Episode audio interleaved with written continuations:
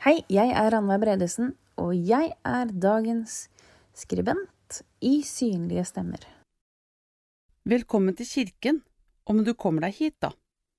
Jeg er blind, og vil gjerne i kirken. Det er ikke alltid så lett. Kirkerommet der jeg bor, er ganske tilrettelagt. Det er veien dit som er problemet. Slik er det for mange. Tenk om organiseringen av gudstjenesten i Norge tok i betraktning oss som ikke kan komme til kirke på egen hånd.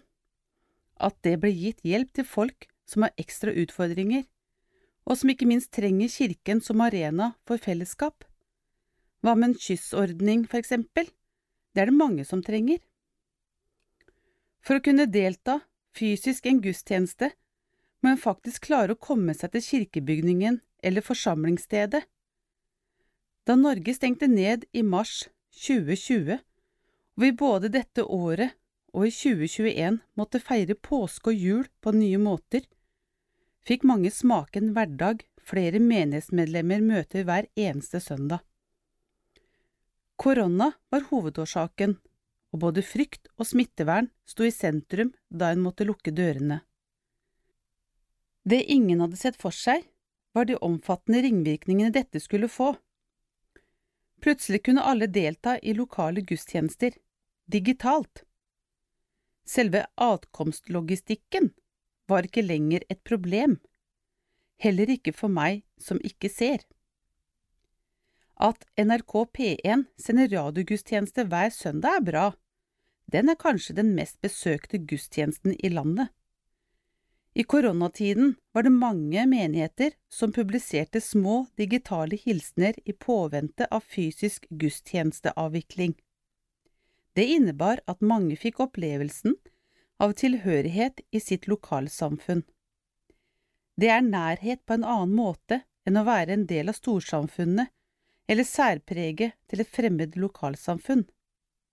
Nå som kirken er fysisk åpne igjen og vi kan samles, lurer jeg på hvordan kan vi sikre tilgang for alle til menighetenes tilbud?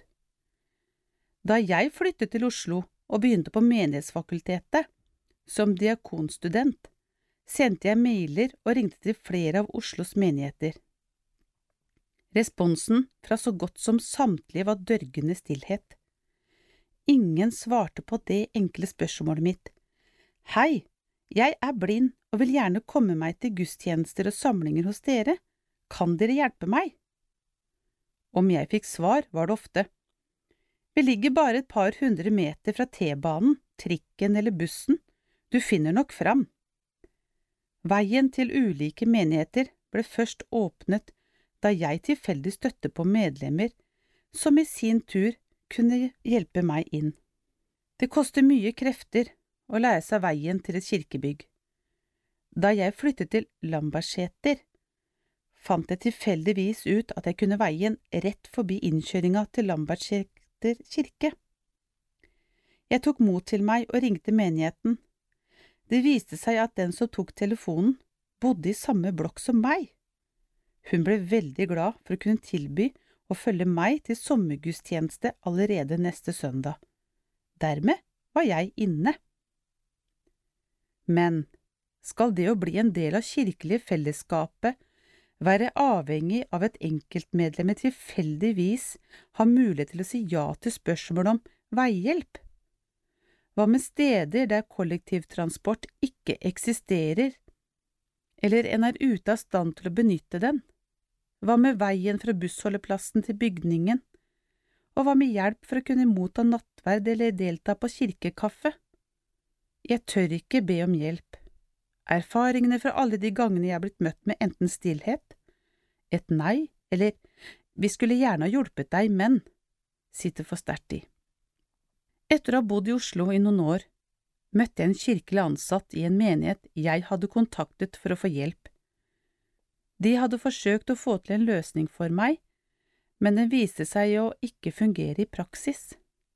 Da jeg møtte vedkommende igjen helt tilfeldig, spurte han hvorfor jeg ikke hadde knyttet meg til menigheten.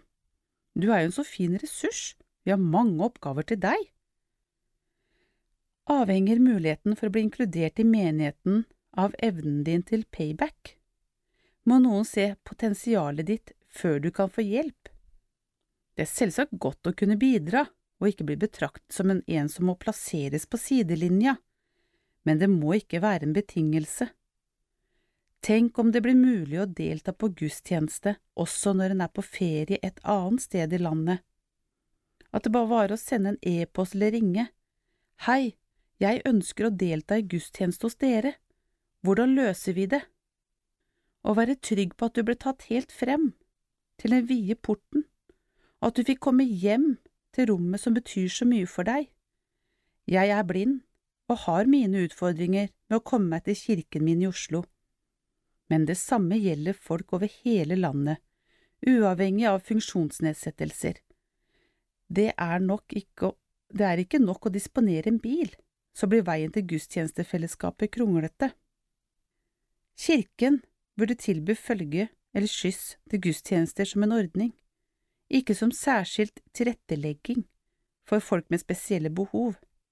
Altså, hvordan kan menighetene henvende seg til medlemmene sine uavhengig av funksjonsnivå, kulturelle bakgrunn eller sosioøkonomisk status.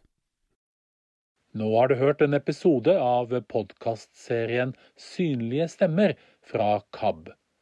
Har du lyst til å høre mer eller å abonnere på serien, så finner du den selvfølgelig på iTunes, Spotify eller andre podkastplattformer. Da kan du søke etter Synlige stemmer. Vil du vite mer om KAB, så besøk våre nettsider på www.kab.no.